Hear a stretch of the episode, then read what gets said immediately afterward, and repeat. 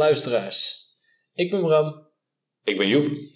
en wij gaan de komende tijd een podcast beginnen genaamd Fuel Flow. En wij hadden normaal altijd al discussies, gesprekken over de Formule 1. En we dachten, nou, misschien is het leuk als er mensen meeluisteren.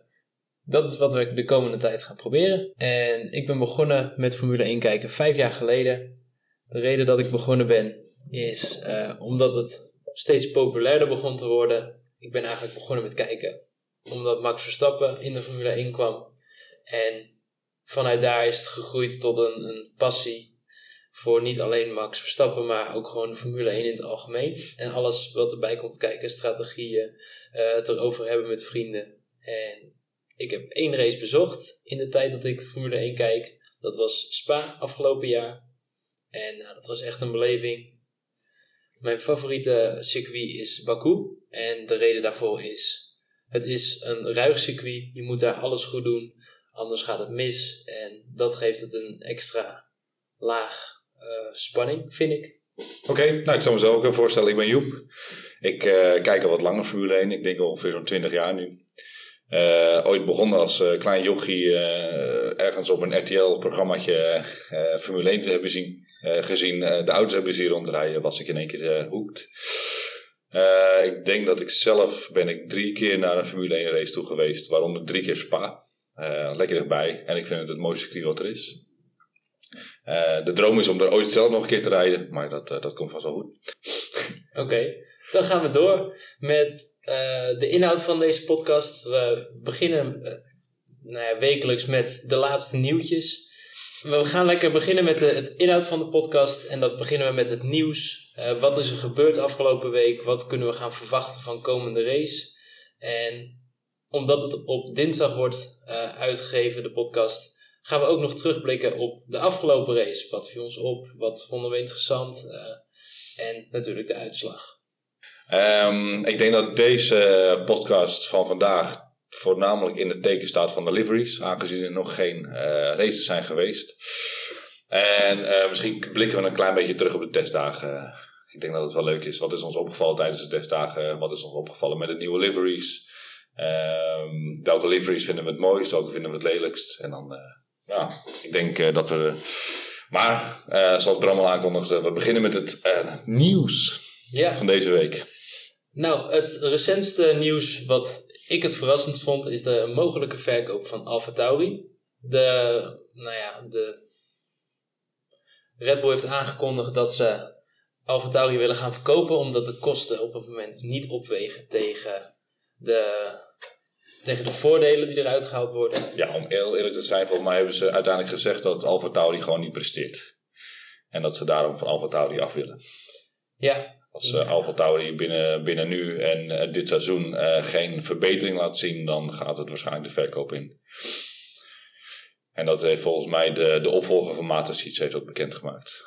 Waar ik even zo na van ontschoten ben. Ja. ja, dat heeft natuurlijk ook alles te maken met het overlijden van de baas van Red Bull afgelopen jaar. En de nieuwe wind die er, die er waait. Ja.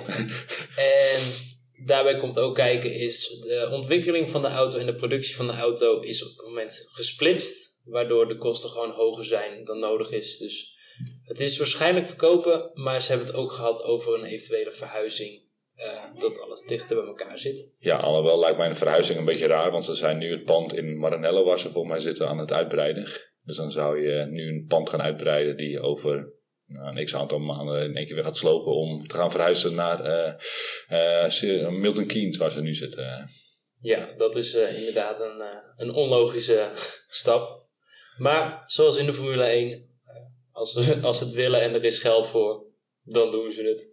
Dus de, de tijd gaat het leren wat we kunnen verwachten. Zeker. Uh, de verkoop zou waarschijnlijk onder andere gaan uit uh, een, een, een, nog niet bekende in de Formule 1, Mumbai Racing. Of uh, welke andere was Andretti Racing uit Amerika. En volgens mij zijn er nog wat andere kapers op de kust. Uh, maar de, de Mumbai Racing hadden we nog niet eerder gehoord. Nee, nou, een nieuwe naam in de sport. Misschien brengt hij ook een extra, nou ja, krijgen we Force India toch weer terug. Ja, duidelijk. Precies. Uh, een ander nieuwtje. En nou ja, voor de mensen die de testdagen hebben gekeken, de controverse om Ferrari, dat is de flexibele neus. Tijdens de race uh, deukte de neus in, wat zou betekenen dat het een uh, dynamisch component is in de aerodynamica. En dat is verboden, dus nou ja, daar wordt op dit moment onderzoek naar gedaan. En deel van die controverse is ook uh, binnen de auto zitten de sidepods meer naar achter. Het is niet per se verboden, maar andere teams hebben wel om opheldering gevraagd aan de FIA om daar. Uh... De controverse van de dimpel, hoe sta jij er tegenover? Ik uh, denk dat het een foutje is geweest. Aangezien het Ferrari mechanics zijn dat ze uh, geprobeerd hebben het carbon fiber zo licht mogelijk te maken. En natuurlijk hol, om het gewichtsbesparing te doen, dat, het, dat ze het eigenlijk zo slecht hebben gemaakt dat het indeukt. Ja. Dat er niet echt een, een, een, een opzet in het spel zat. Nee, het lijkt mij een hele rare keuze, engineer. Maar wat heeft een, een dimpel in de neus voor voordeel? Als ja, iemand het weet, vertel het ons. Ja, licht. Ik denk dat uh, het materiaal wat gebruikt lichter is. En daardoor minder sterk. En als het minder sterk is, dan buigt het makkelijker door. Ja. Nou ja, er lopen onderzoeken naar. We gaan het horen komende tijd. Wist je trouwens dat een Formule 1 vleugel zo sterk is dat je er als mens op kan staan? Nee, dat wist ik niet. Maar ja, het gaat natuurlijk zoveel kracht op dat het uh, me wel logisch in de oren klinkt. Leuke, domme, nutloze feitjes van ons. Uh, heerlijk. nou, een, een, Formule 1 vleugel is dus zo sterk dat je erop kan staan als mens zijnde. Maar volgens mij de downforce die een auto genereert is een paar honderd kilo. Uh. Dat is bizar. Als een, een Formule 1 auto op topsnelheid zou rijden, kan die ondersteboven in de tunnel rijden. Dat als, iemand, als een team dat uit zou proberen, dan zou het Red Bull zijn. Gelukkig hebben we daar simulators voor. Ja. Oké, het volgende nieuwsje. Zal ik deze doen? Ja, De controverse van Williams en Mercedes. Een stukje lucht wat Williams probeert om de band heen te leiden. Weet je, inderdaad, een, een, stukje lucht wat dan op de, om de band heen gaat en niet dat de band uh, door het luchtruim heen knalt, zeg maar. Ja, dat zou je extra stabiliteit geven aan de voorkant natuurlijk. Ja, en ik denk dat misschien Mercedes hetzelfde probeert, of die probeert meer lucht onder de vloer te krijgen. Want bij, Mercedes gaat hij dus naar beneden toe, het laatste stukje. Dus die wil lucht ja. naar de onderkant van de auto hebben. En Williams wil lucht naar de bovenkant van de auto hebben. Ja, Mercedes heeft natuurlijk als een van de weinige niet de tunnel sidepods. Dus uh, dat zou uh, een toevoeging daaraan kunnen zijn. Ja, alleen de, de sidepods bij de Mercedes zijn wel breder geworden dit jaar. Dat scheelt niet veel. En de luchtinlaten zijn wat groter. Uh, Oké, nou ja, hopen dat het uh, komend seizoen dan uh, resulteert in minder porpoising, want anders uh, dan sloop je straks beide coureurs. En ik ga natuurlijk, oh ja, Mercedes schijnt het porpoising helemaal verholpen te hebben. Oké. Althans, dat zegt meneer Toto Wolf. En ik ga gelijk een stukje lekker pluggen. mocht je de foto's van de, de, de voorvleugel willen zien, dan verwijs ik je naar onze Instagram pagina. Dat is Fuelflow PC. Uh, daarbij gaan wij uh, later deze week zullen wij de, ja, foto's en de, de, verhalen bijvoegen die we hier in de podcast bespreken. Dus inderdaad het mooie stukje van uh, Mercedes over het vleugeltje. En misschien wat tekst en uitleg erbij waarom ze dat dan gedaan hebben. Ja. Voor nu staat er op de Instagram een vergelijking van alle liveries. Die gaan wij in deze podcast ook bespreken. Dus uh, vind je het leuk om daarover mee te praten, kan je ze daar vergelijken. En, we gaan lekker pluggen. Ja. Nou, uh, de bandenwarmers gaan er volgend jaar vanaf, Bram. Wat vind je ervan? Ik vind er vooral, uh, nou ja, heb ik ervan genoten om een artikel te lezen over Hamilton. Hamilton is natuurlijk Mr. Environment en hij is er nu tegen. Terwijl via als grootste reden geeft voor het milieu stoppen we ermee. Ja, maar is Hamilton niet lekker een hypocriet? Want hij is een environment Mm, mannetje, wat ik um, ja, kan ik op zich wel waarderen. Ik bedoel, Goed als je ervoor staat. Ja, nou ja, prima als iemand zijn stem uit. Weet je, daar, uh, daar heb je een stem voor. En uh, hij heeft een groot publiek, dus uh, als hij een groot publiek kan bewegen om beter voor deze wereld te zorgen, dan, dan vind ik dat goed. maar ja, als de bandwarms eraf gaan, dan is hij zelf in gevaar. Ja, dan komt het allemaal heel dichtbij en de nadelen worden dan wel groot. Voor degenen die het niet weten, de bandenwarmers worden gebruikt om de temperatuur in de banden omhoog te krijgen. En een warmere band onder je auto betekent meer grip en meer snelheid. Uh, vanuit de natuuroogpunt vind ik het een goede. Alleen uh, als het echt onveilige situaties op gaat leveren, omdat je nou ja, uh, over de baan gaat glijden, dan vind ik dat er een andere aanpak voor moet worden gevonden. Ja, ja, ik ben het er niet helemaal mee eens. Eh, in de kart gebruiken ze volgens mij helemaal geen bandenwarmers. En dan is het gewoon met koude banden, ga maar de baan op. En dan eh, krijg je de beste coureurs die eh, ja, het, randje weten op te zoeken met een koude band. Kijk, het is natuurlijk niet zo dat alleen voor Hamilton een koude band is. Het is voor elke eh, engineer niet. Voor elke coureur die de baan op gaat, wordt het, wordt het koude banden. Dus elke monteur, oh, knip. dus elke coureur die de baan op gaat, die krijgt koude banden. En moet daar voorzichtig mee omgaan. eh. ja, weet je, er is niemand die er een voordeel of een nadeel uit haalt. eh. nee, Uiteindelijk. ik ben benieuwd hoe het, eh, nou ja, in ieder geval vanaf volgend seizoen zijn ze ernaar aan het kijken hoe dat gaat. En ik denk als het echt met zulke auto's gevaar op gaat leveren, dat er nog een staartje krijgt. Maar wat jij ook zegt, het kan ook voor een nieuwe impuls en spanning zorgen in de sport. Nou, ik, eh, ik denk dat het beter is. Uiteindelijk ga je zien wie de, wie de beste coureur is. Die zich kan aanpassen aan de situatie. Duidelijk. Dan zijn er dit jaar drie nieuwe rookies bijgekomen. Dan beginnen we natuurlijk bij de... Nou, zullen we gewoon bij de Nederlander beginnen. Nick de Vries, degene waar jij het eigenlijk liever niet over wil hebben. Ja, oké. Nee, Nick de Vries, de... Het is wel een beetje de, de podcast die tot een Friespunt doet leiden. Zo. Gele kaart voor Joep. Oké, eh, inderdaad, dan beginnen we bij Nick de Vries. Nick de Vries was eh, afgelopen seizoen was hij testrijder bij Mercedes. Hij heeft de Formule E gewonnen in 2022, de Formule 2 in 2019. En is ook heel succesvol geweest in de kartwereld. In 2010 en 2011 is hij daar wereldkampioen geweest. Ik zie wel dat je eh, nog eentje bent vergeten. En die wil ik graag wel even attenderen. Nick de Vries was de allereerste Nederlander die een FIA wereldkampioenschap gewonnen heeft. Nou, Eerder dan Max Verstappen. applaus voor Nick. In de Formule E is hij wereldkampioen geworden. Niet onverdienstelijk natuurlijk. Nee, en ik moet heel eerlijk zijn, ik ben zelf niet zo'n fan van Nick de Vries.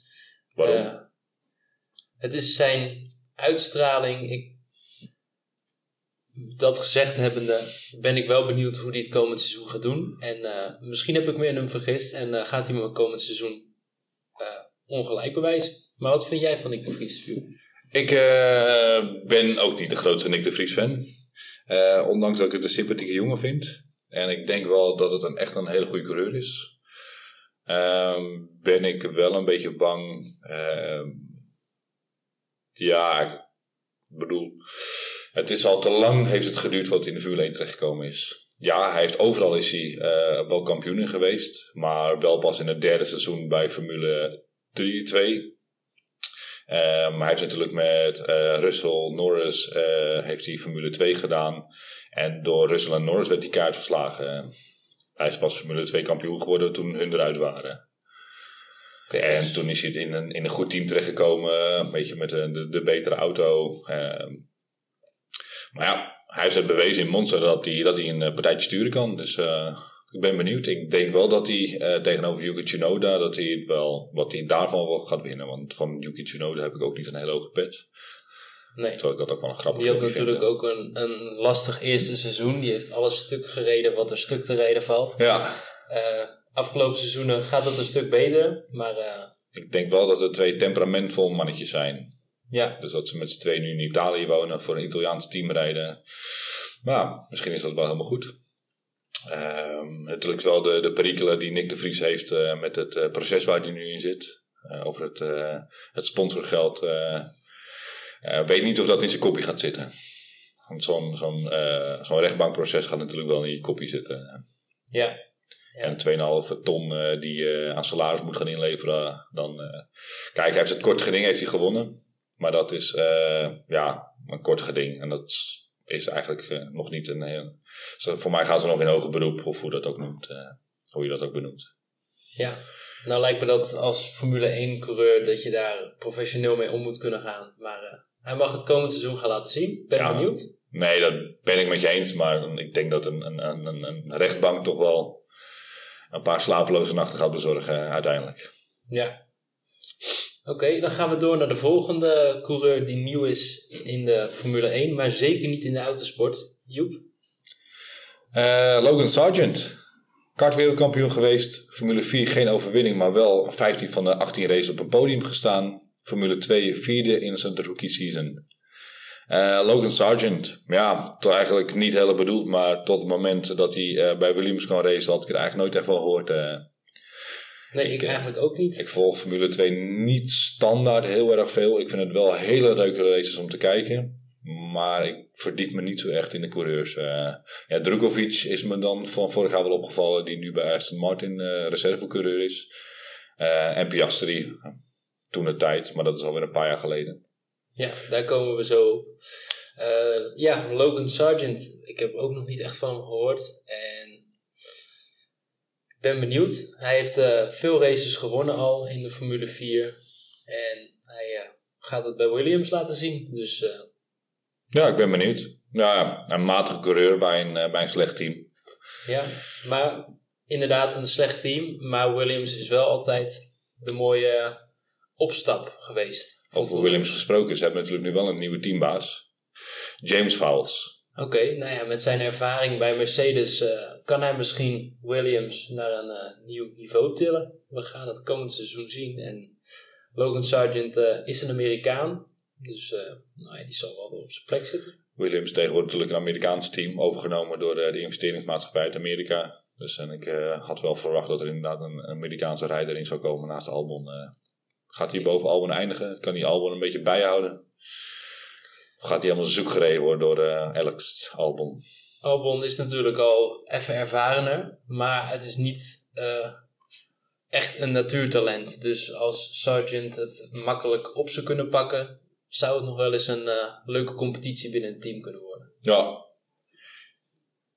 Is het een uh, goede vervanger voor uh, onze meneer Nutella? Code Latifi natuurlijk. Ja. ja, Latifi. Ik denk dat het is niet heel lullig bedoeld, maar het komt wel zo over. Ik denk dat om beter te zijn dan Latifi niet heel veel nodig is. Want hij heeft heel lang in de Formule 1 gezeten. En hij heeft het alleen op momenten dat de kopgroep uitviel, heeft hij punten kunnen halen. Dus de, de lat ligt laag. Dan hebben we nog één uh, Formule 1 coureur over, een, uh, rookie in de Formule 1 dan. En dat is Oscar Piastri. Wat een soap hebben we al aan deze jongen beleefd voordat hij überhaupt een race heeft gereden. Joep, weet jij daar meer van? Nee. Nee, ik heb geen idee. Oh man, Piastri, inderdaad, wat een zagen was dat. Een Alpine junior driver geweest. Uh, Alpine uh, die dacht uh, lekker met nog een jaartje door te gaan met meneer Alonso. En die dacht Piastri even te parkeren bij Williams voor een jaartje. Aangezien de Goat Latifi daar natuurlijk wegging. Ja. En zij zoiets hadden van, nou je, ik kan hier mooi een jaartje rijpen bij een ander team. Ehm, volgens mij heb ik ook begrepen dat Williams in lijn staat om ergens in 2026 met de Renault motor te gaan rijden. Dus dan is het inderdaad eh, een beetje de, de partijtje lekker warm houden met elkaar. Uh, een van je de beste coureurs alle tijden daar neer gaan zetten om een jaartje te rijpen. En dan ergens in 22 tot 24 in de, in de Alpine te gaan, gaan stallen. Maar dat liep even anders. Ja. Alonso die had een bombshell gedropt. Ja, Alonso had natuurlijk een, een lastig seizoen de afgelopen jaar. Ondanks dat alles wat hij uit de auto kon halen, wilde de auto de finish maar niet halen. Ja. Dus die overstap begrijp ik heel goed. Nou ja, ik denk dat Alonso bij zichzelf nadacht van ik mag nog een jaar bij uh, Alpine, Alpine rijden. Uh, ik weet niet of ik uh, één jaar in de Formule 1 wil blijven. Ik wil meerdere jaren in de Formule 1 blijven. Totdat uh, meneer Stroll op de plank kwam en die zegt kom maar lekker voor ons rijden. En ik heb geld zat om je binnen te halen. Ja, dus zodoende Alonso naar Aston Martin. En ja, waar gaat Piastri nou heen? Hij werd dus eerst inderdaad bij uh, Williams geparkeerd. Dat ging niet. Toen werd het... Uh, Alonso ging weg. Alonso ging weg. Toen dacht uh, Alpine, Alpine, Alpine, maak er wat leuk van. Alpine ehm, had voor mij toen het grote idee van, weet je wat, we hebben Piastri nog onder contract staan. We pleuren die lekker in uit neer. Dus op Twitter groot aangegeven: Piastri komt bij ons in de auto. En Totdat, niks bleek minder waar. Inderdaad. Piastri werd wakker in Australië. Acht uur later met een Twitterberichtje: Ik rij in Alpine. Het eerste wat Piastri dacht, waarschijnlijk achter de telefoon. Ik dacht het niet. En twitterde: Ik heb anders anders getekend. Of ik rij volgend jaar wel Formule 1, maar niet in een Alpine. En dat is natuurlijk McLaren. Ja, uh, voor Piastri gezegd hebbende, ik snap het heel goed. Hij had netjes aangegeven voor een bepaalde datum zekerheid te willen. En die datum was niet gehaald. Dus, uh, weet je trouwens wie de manager is van Piastri? Nee, dat weet ik niet. Mark Webber. Oké. Australië, Mark Webber. Piastri, Australië, ja. Leuk fun feitje. Spit hem er zoveel dus, uit. Uh, ja, van Oscar Piastri wordt veel verwacht. Hij is uh, Formule 3 en Formule 2 kampioen achter elkaar.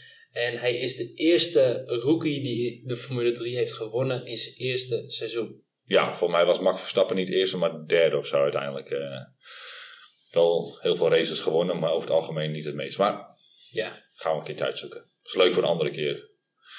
Dus dat zijn de drie nieuwe rijders die uh, dit jaar uh, in de auto's gaan stappen. En op de tijd dat jullie dit horen, nou ja, al ruimschoots in de auto's hebben gezeten.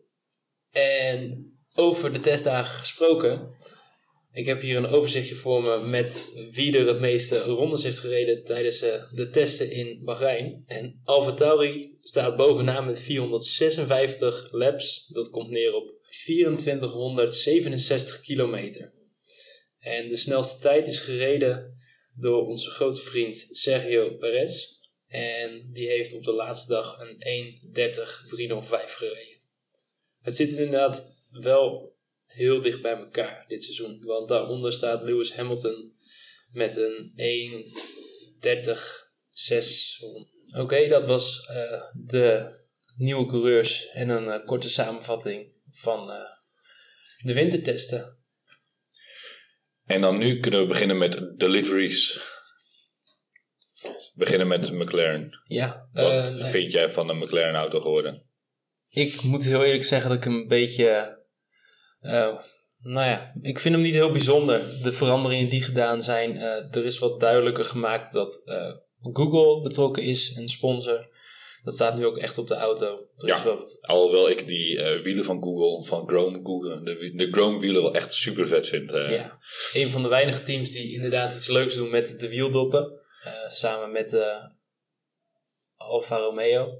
En dit jaar Williams erbij gekomen. Die hebben ook een, een speciale wieldop gemaakt. Oké, nou. Wel een leuk feitje weer. De wielvelgen worden gemaakt door... Mercedes. Red Bull. Red Bull.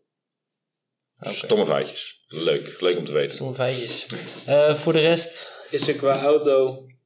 Uh, zijn ze naar een ander concept gegaan. De sidepods die zijn verlengd. Het is nu meer een tunnel dan ineens een, een soort happer. Het loopt wat mooier mee met de auto. En voor de rest niet heel veel nieuws eigenlijk. Duidelijk. Uh, de Williams. Uh, in principe mijn favoriet. Ik uh, hou gewoon van dat blauwe minimalistische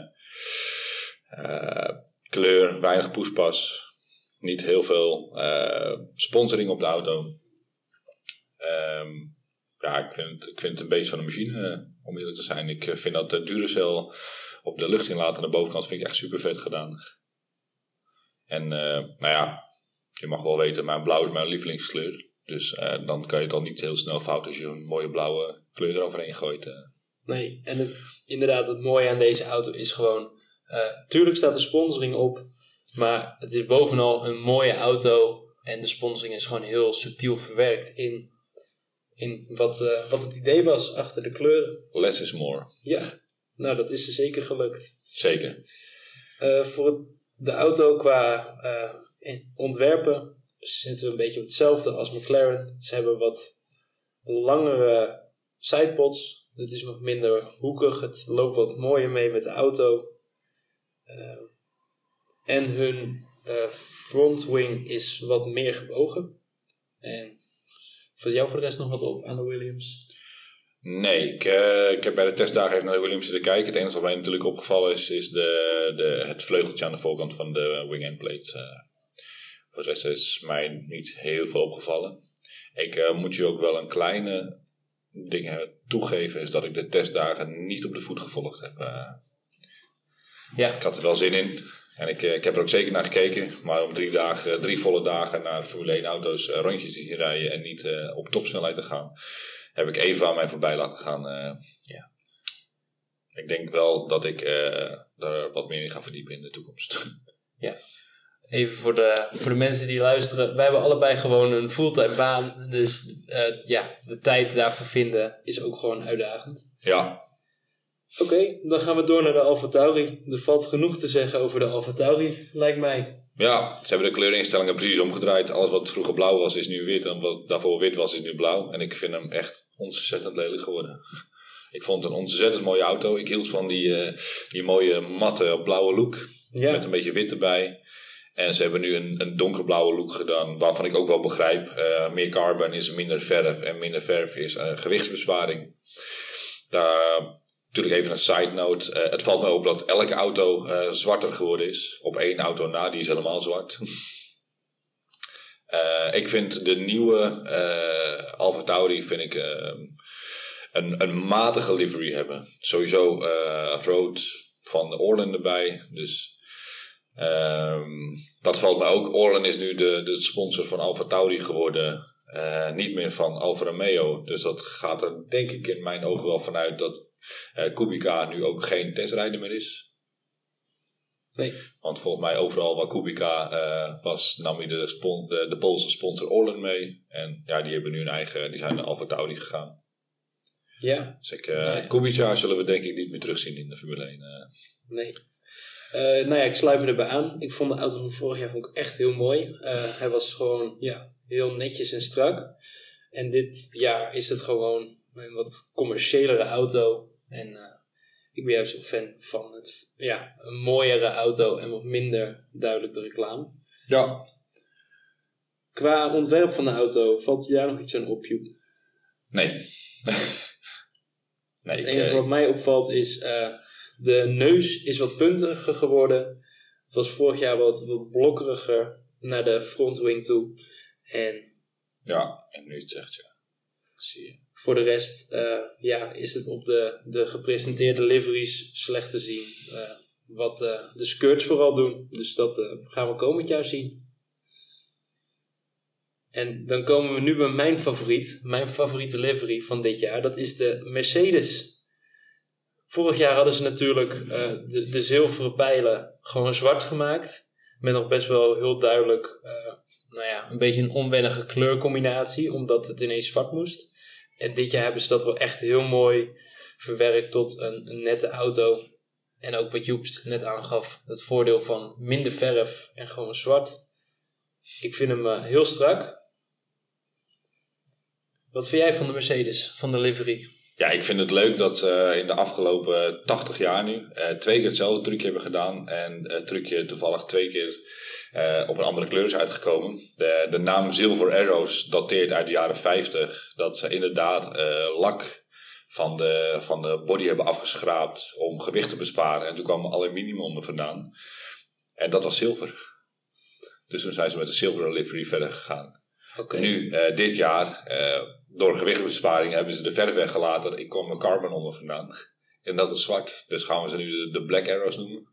Ja, ik heb ook de Night Rider voorbij horen komen. Dus, uh... Vind ik ook wel een vette naam. Uh. Ja, ik, uh, mijn persoonlijke mening over de livery is dat ik hem echt super vet vind. Ik hou altijd wel van de kleurstelling van Mercedes. Ik ben eigenlijk altijd wel een grote fan geweest van hun merchandise. Ik ben niet de allergrootste Mercedes-fan, maar ik vind de merchandise wel heel vet. En ik wil eigenlijk uh, uh, van alle teams merchandise hebben. Omdat ik uh, gewoon een groot Formule 1-fan ben en niet echt een, een, een, een, voorkeur heb voor een, een, voor een raceteam. ik vind de ene wat leuk en de andere wat minder leuk. Maar ik denk dat op, op toevallig dan nu Red Bull na niet echt een, een topfavoriet heb. Nee. Maar we hadden het over liveries en niet over mijn persoonlijke mening. Uh, altijd uh, leuk om te horen. Sowieso. Nee, ik, uh, ik vind het een super, vette, super vette livery. Ik vind het een hele mooie auto. Um, Hij geeft een wat lang gevoel door nou ja, dat ze de neus wat duidelijker hebben laten doorlopen tot aan de halo. Ja. voor de, daarnaast zijn, is het een van de weinige teams die voor een ander soort sidepod zijn gegaan. Ja, gekscherend worden ze tegenwoordig de lipopods genoemd. Uh, liposuctie sidepods. Ja, ik kan wel begrijpen waarom, uh, waarom dat gedacht wordt. ik vind het een grappige, grappige bijnaam. Het heeft een beetje wat weg alsof ze een soort kieuwen op de zijkant van de auto hebben waar uh, lucht doorheen moet gaan. Maar... Ja, ze hebben een heel klein beetje een, een, een, een Ferrari sidepod.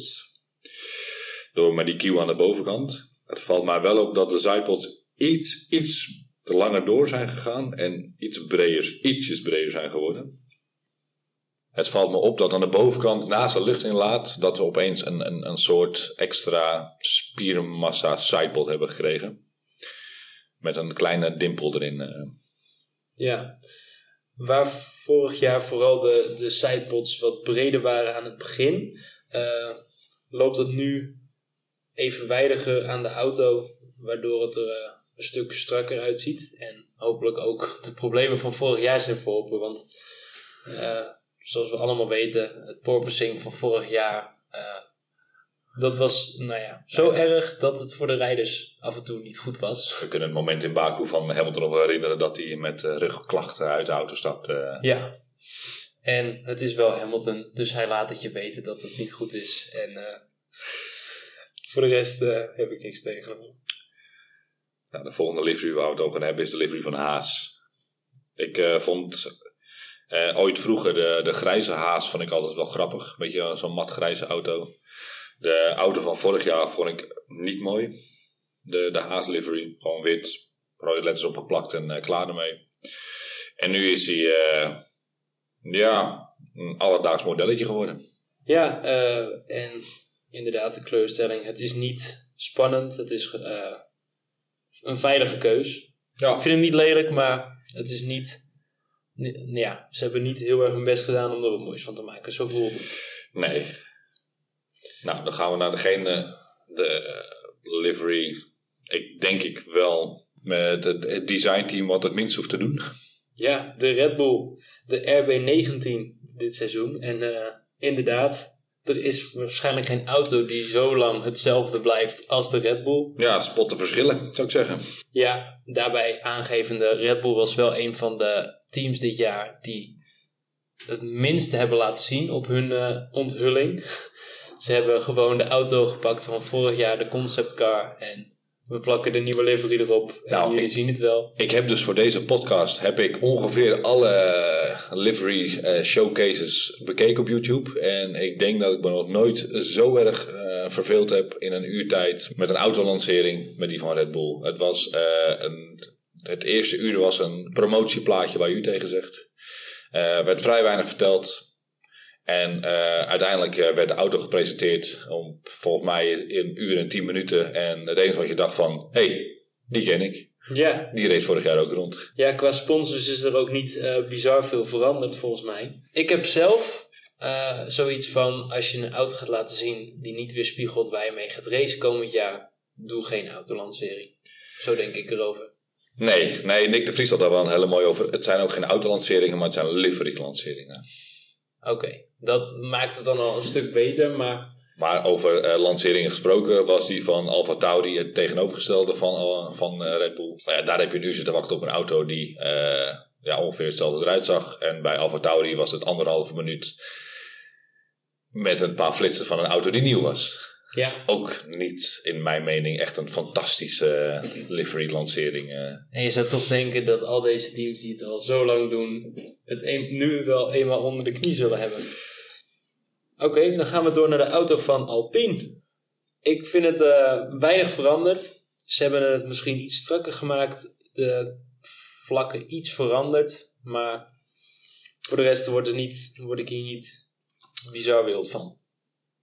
Alpine kwam met hun show livery eh, onthulling met twee liveries. De volledig blauwe livery, die ze zelf eh, aan de meeste races gaan doen. En de, de BWT, de Better Water Technique versie. eh, met het al mooie roze livery waar ze volgens mij zes races mee gaan doen. Oké, Dat zeg ik zo even uit mijn hoofd. Ehm, ja, ik weet dat Better Water Technique een ontzettend grote investering er is in, eh, in, in eh, de autosport. Eh, Ik vind het zelf een beetje raar, maar ik weet eigenlijk niet wat ze doen. Als je een beetje gaat opzoeken wat het voor een, eh, voor een bedrijf is, BWT, kom ik er niet heel erg achter. Ze doen iets met watertechniek. Ja, volgens mij innoveren zij op het, eh, het zuiveren van water, maar Ja. binden we daar niet op vast. Eh, Ja, en zij hebben natuurlijk de, de, de, de, de huiskleur eh, is bij hun lichte roze. Ehm, ja, vind ik persoonlijk blauw en roze eh, niet zo mooi bij elkaar passen. Ik vond eh, volgens mij, eh, eh, wie was de sponsor? WWT eerst ook wel, voordat ze naar Alpine gingen. Force India. Force India, het was het gewoon een roze auto. Dikke prima, zag er leuk uit. Eh, goed herkenbaar. Je, wist gelijk dat inderdaad Force India eraan kwam eh, met, eh, met, een, met een auto. Maar ja, ik vind deze vind ik niet zo heel erg prachtig. eh. ik hou van blauw, maar blauw en roze, niet mijn ding. Nee, wat valt je voor de rest op aan de auto? Ehm, ik eh, vind de, de, de sidepods aan de achterkant zijn wat anders. De, de, de, ze zijn volgens mij een beetje het Red Bull concept gaan doen. In plaats van een hele hoge sidepod zijn ze wat lager gegaan en wat langer door. Ja, toch zie ik daar ook wel aan de achterkant van de auto naar de achtervleugel toe zie ik een, ja, het, het heeft wat weg van een, een wang die wat langer doorloopt. Ja, het doet mij een beetje denken aan een soort raketmotor aan de achterkant. eh. Ja. Maar Nou ja, hopelijk gaan ze dit seizoen ook als een raket. Dat zou, eh, zou leuk zijn. ik, eh, ik hoop het voor ze. Ik heb alleen Alpine. ehm, ja, ja, ik denk dat ze ze zijn toch wel redelijk best op de rest geweest vorig jaar. Ik denk dat ze dit jaar wel gaan, gaan doen. Ja, als de auto blijft rijden. Dat Nou is ja. het vaak. Eh, hoe sta jij tegenover een volledig Frans team? eh? Ik heb er weinig op tegen. Het, ja, het doet me niet zo heel veel. nee. Nee. Wat vind jij van de, de, de Ocon, Gasly, eh Perikle? Dus verder. Nou ja, ze hebben ooit in het verleden hebben ze een, een, een, een, een ruzie met elkaar gehad. Eh ze waren eerst waren ze dikke mik, beste vrienden en eh onafscheidelijk, denk ik. Eh, toen is er wat voorgevallen waar ze het eigenlijk zelf niet over willen hebben. Nou ja, prima, weet je, het zijn je privé dingen, hoef je ook lekker niet aan de buitenwereld te delen. En sindsdien eh, kunnen ze elkaar niet luchthof zien. eh. En eh, totdat ze dan nu, eh, begin dit jaar, zijn, eh, ja, hebben ze de buitenwereld ingedouwd dat ze teammaatjes worden. En nu zeggen ze eigenlijk alle twee, we zijn volwassen genoeg. Weet je, we kunnen op zich met elkaar opschieten. We zullen nooit meer vrienden worden. Maar ehm, ja, we laten elkaar, eh, met, of we respecteren elkaar. Ja, eh, nou, ik heb daar zelf niet zoveel van meegekregen, maar inderdaad, wat jij ook zegt, eh, in zo'n grote sport moet je je daar overheen kunnen zetten. En ja, het zijn natuurlijk allebei mannen met flink karakter. Ze hebben best wel eh, hun, hun woordje klaar. Dus ik denk dat dat ook niet eh, makkelijk is. samen. Ja, ja, ik denk niet dat je je privé en je zakelijk altijd gescheiden kan blijven houden. Niet dat je een keer in een race dat de emoties zo hoog vliegen dat je denkt van ik ram lekker de baan af of zo. eh. Dat zou je altijd mogen denken, maar je mag daar nooit wat mee doen, vind ik, in een sport die eh, zo, nou ja, ten eerste gevaarlijk is. Keuzes die je maakt, kleine beslissingen van een duwtje, kan iemand zijn leven kosten. Dus Ja. dat zijn wel Eens. grote, grote gokken die je neemt. Ja, maar je denkt toch wel dat het parten gaat spelen. Maar ehm, ja, we zullen het meemaken. Het zijn natuurlijk eh, inderdaad twee volwassen mannen eh, die, eh, ik denk ik, eh, ja, volwassen genoeg zijn om elkaar te kunnen respecteren. En eh, Ja. op een zakelijk oogpunt eh, misschien ook wel gewoon met elkaar overweg kunnen. Ja. Dan wil ik nog even één ding zeggen over de, de, de neus naar de voorvleugel toe. Die hebben ze dit jaar hoekiger gemaakt dan dat die vorig jaar was, wat ik zie. Vorig jaar waren de rondingen een stuk eh, meer aanwezig dan nu. Ja, En de voorvleugel zelf, ja, het valt mij inderdaad die- op dat alle teams het tegenovergestelde gedaan hebben. Van een eh, vlakke neus naar een wat rondere neus. Als ik nu zo de liveries kijk. En dat Alpine het juist weer andersom gedaan heeft. eh. Nou ja, hopelijk werkt die beslissing voor hun. ja, zij dachten misschien eh, wat vorig jaar niet werkte, werkt dit jaar wel. Maar nou, Ja. Nou, dan gaan we door naar de, de volgende auto. Dat is de Aston Martin, de AMR 23.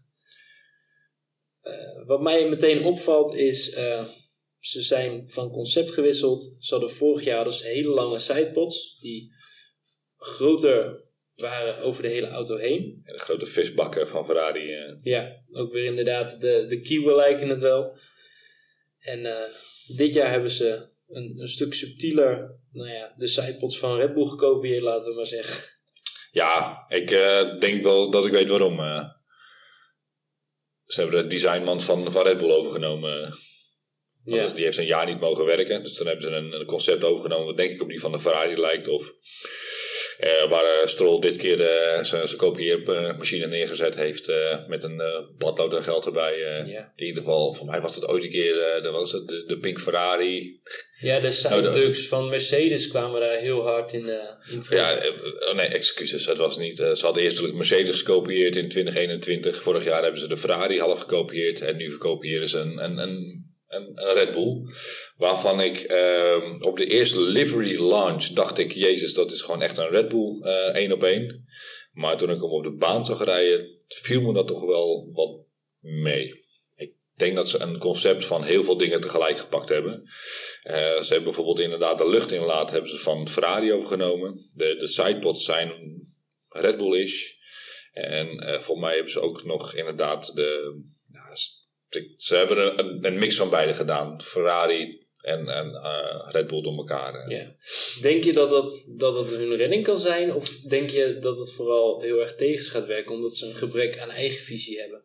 Ik denk juist dat ze nu het gebrek aan eigen visie eh, gevonden hebben.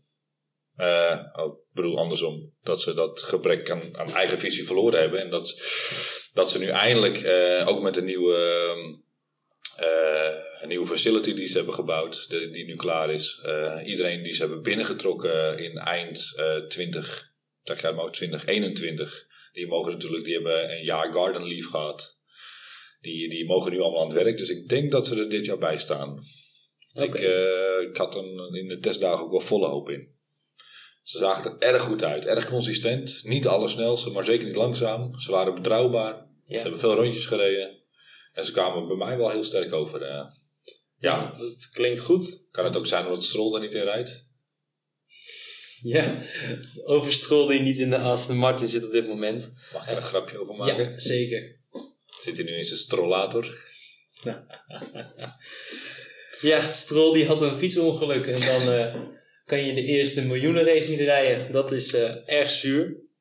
En wie is de vervanger van Stroll komende race? Drugovic. Sinds jaar en dag weer een Brazil- Braziliaan in de Formule 1. Nou, dat wordt zeker een, eh, een spektakel, denk ik.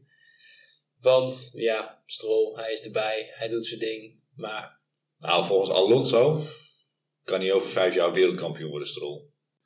Alonso heeft tijdens de launch livery gezegd dat hij er volle vertrouwen in heeft dat ze ooit mee gaan doen om het wereldkampioenschap en dat, weer, dat Stroll Formule 1 wereldkampioen kan worden. oké, Ik Nee. weet niet wat hij gedronken heeft en aan welke drugs hij zat, maar ehm, ik ben het volledig met hem eens. je bent het met hem eens. nee, natuurlijk niet. Oké, ik wilde even zeggen van eh, met wie maak ik hier een podcast en kunnen we ermee stoppen, maar dat hoeft dus niet. Oké, nou onze mening over Stroll. Hm, Oké, Ik denk dat dat ook een goede samenvatting is. Hmm. Oké, eh, valt jou voor de rest nog iets op aan de auto zelf? Ja, hij is, eh, wat jij al zegt, totaal van, eh, van, eh, van, eh, van, van design veranderd. Ook weer een, een beetje dat raketidee, maar die, ja, het zit wat lager in de auto. Hij is wat, ja, een beetje piramide gevormd. De vorige auto die een raket had, We zijn alleen één vergeten. Wat weet je van delivery? Oh ja, ik vind hem wel mooi.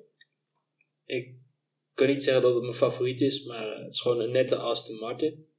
En dat is het een beetje voor mij.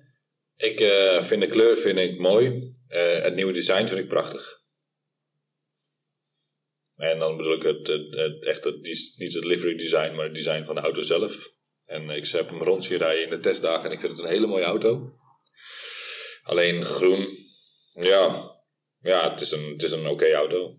Vorig seizoen vond ik het een van de mooiste. Was het wel echt mijn favoriet. Ja, En maar hij is niet veranderd qua delivery. eh waarom is nee, maar volgens niet- mij is de kleur groen van eh, wat matter naar wat glanzender gegaan. Ja. Maar dat kan ook eh, een beetje gezichtsbedrog zijn. Ik denk dat ze, ze hebben hem aan de onderkant is hij wat zwarter geworden. Je ziet aan de begin van de sidepod aan de onderkant naar de vloer toe is hij gewoon zwart, als ik het zo zie. Ja. Dat was hij voor mij ook, die hou ook wel. En dat ze een, inderdaad een iets donkere groen hebben gepakt om dat zwarte er ook wat uit te laten komen. ja. Vorig jaar was ook de, de skirt van de auto, de, Skirt! de bodemplaat, die was ook een stuk breder. De airflow moest veel meer de auto op de grond duwen, waar ik nu ja, dat in de nieuwe auto niet kan vinden. Dat kan zijn omdat ze dat intern hebben gedaan, maar dat valt mij wel meteen op. Ja. Volgende Ferrari. Ja, Ferrari blijft mijn favoriet. Eén van mijn favorieten. Ja, als je aan. Formule 1 of race denkt, dan is Ferrari natuurlijk wel een van de eerste teams die je te binnen schiet. Het meest iconische kleur in de hele autosport. Wat mij betreft, de meest iconische kleur voor een auto is Ferrari rood. Ja, Over speciale liveries gesproken. De mooiste livery die ik ooit heb gezien is toch wel de Red Bull in Japan. De witte Honda De livery. witte Honda livery. Och, die was mooi. Ik eh, vind hem zo mooi dat ik zelfs het speciale horloge ervan gekocht heb. Die eh, Honda daar ooit voor gemaakt heeft. Eh, Oh, kijk eens aan. Maar dat, dat eh, op een side note. inderdaad, ben ik totaal met je eens. De, de mooiste livery ever. Eh, wit, eh, de witte Honda. Oké, en dan gaan we toch weer even verder over Ferrari. Ehm, Ja, ik vind dat ze. Ehm, ja, vrij weinig veranderd. Inderdaad, wat je zegt, de kleur. Ze hebben wat zwart toegevoegd aan de kleur. Ik zie wel trouwens dat iedereen de matte kleur een beetje, dat is iets wat mij nu opvalt, de, de matte kleur heeft weggehaald uit hun liveries. Zou het kunnen zijn dat een matte kleur een zwaardere verf nodig heeft dan de glans? Als je niet misschien een verf. extra laag die, eh, die toch de, de glans er een beetje afhaalt. Ik moet eerlijk zeggen dat ik het niet weet. Ik ben absoluut geen En verfkenner-expert. misschien heeft het wel te maken met natuurlijk echt eh, carbon. Als dat afgewerkt is en gelakt, dan is dat natuurlijk, dat is wel meer standaard. Ja. Dus ik denk dat als je het mat zou willen, dat je een extra laag nodig zou gaan hebben. Mochten de luisteraars hier meer over weten, dan hoor ik dat graag op onze Instagram-pagina. Eh, wat mij wel opvalt aan de Ferrari is de sidepods. De sidepods die eh, zitten in vergelijking tot vorig jaar zitten die enorm naar achter geplaatst. Eh, daar zijn vraagtekens over, zoals we eerder in de podcast zijn. Mag dit? Mag je zo ver naar achter zitten ermee? Eh, voor de rest, technisch gezien, eh, gebruiken ze dezelfde trend. Hun neus is wat ronder, iets minder massaal. En voor de rest valt mij eigenlijk weinig op. Ook weer de, de ribben, slecht te zien, maar ze zijn toch aanwezig. Dat eh, was het eigenlijk, de Ferrari. Heb jij nog wat toe te voegen? Nee, uiteindelijk komen we als laatste bij mijn persoonlijke favoriet, denk ik, voor dit jaar. Wat ik niet verwacht had, de livery van de Alfa Romeo. Ehm, ik zei net dat mijn Williams mijn favoriet is, maar ik eh, zit een beetje in dubio. Het is of de Alfa of de Williams. Voor mij, persoonlijk. Ja, ik eh, zou, als ik tussen die twee zou kiezen, zou ik de Williams zeggen. Omdat het eh, een, een mooie subtiele is. Maar de Alfa Romeo die is wel, eh, wel een stuk mooier geworden dan afgelopen jaar. Ja, En als we zo ook naar de auto kijken, de sponsors is volgens mij niet heel veel aan veranderd. Ja, Orlen is weg. De, je hoeft niet een heel wit vlak voor, een, eh, voor hun logo te behouden. nee. En exact dat stukje hebben ze eh, Zwart gemaakt. zwart gemaakt. Wat een hele mooie toevoeging is. Ook hebben ze eh, nou ja, de air intake aan de bovenkant. Dat is nu niet een split naar links en naar rechts geworden, maar naar onder en naar boven. Wat daar precies de toevoeging van is, dat zal de engineer weten. Dat heb ik geen idee van. En voor de rest in de auto, ja, ze hebben weer eh, nette wieldoppen dat, eh, die gewoon helemaal rood zijn dit jaar. Niet meer de pokeballs van eh, afgelopen jaar. Vind ik wel jammer. Ik vond de pokeballs vond ik wel leuk. maar ik snap de kleurstelling dat ze nu allemaal rood zijn gegaan. Daarnaast, wat me wel opvalt aan de auto zelf, is hun frontwing is een stuk smaller geworden. Die was vorig seizoen een stuk breder. En nu is hij wat smaller en wat puntiger geworden vanaf voor. En qua air air intake, sidepods. Ja, dus hun, hun intake is wat smaller geworden. Uh, de wangen staan iets minder ver naar buiten. En voor de rest uh, zie ik er niet heel veel aan. Heb jij er nog wat aan toe te voegen? Toch ook wel weer een beetje die raketmotor lijkt het, hè? Maar uh, ja. dan een smalle. Ik uh, moet een rectificatie doen. Het was niet Williams met de wing end plate uh, vleugel, het was Haas.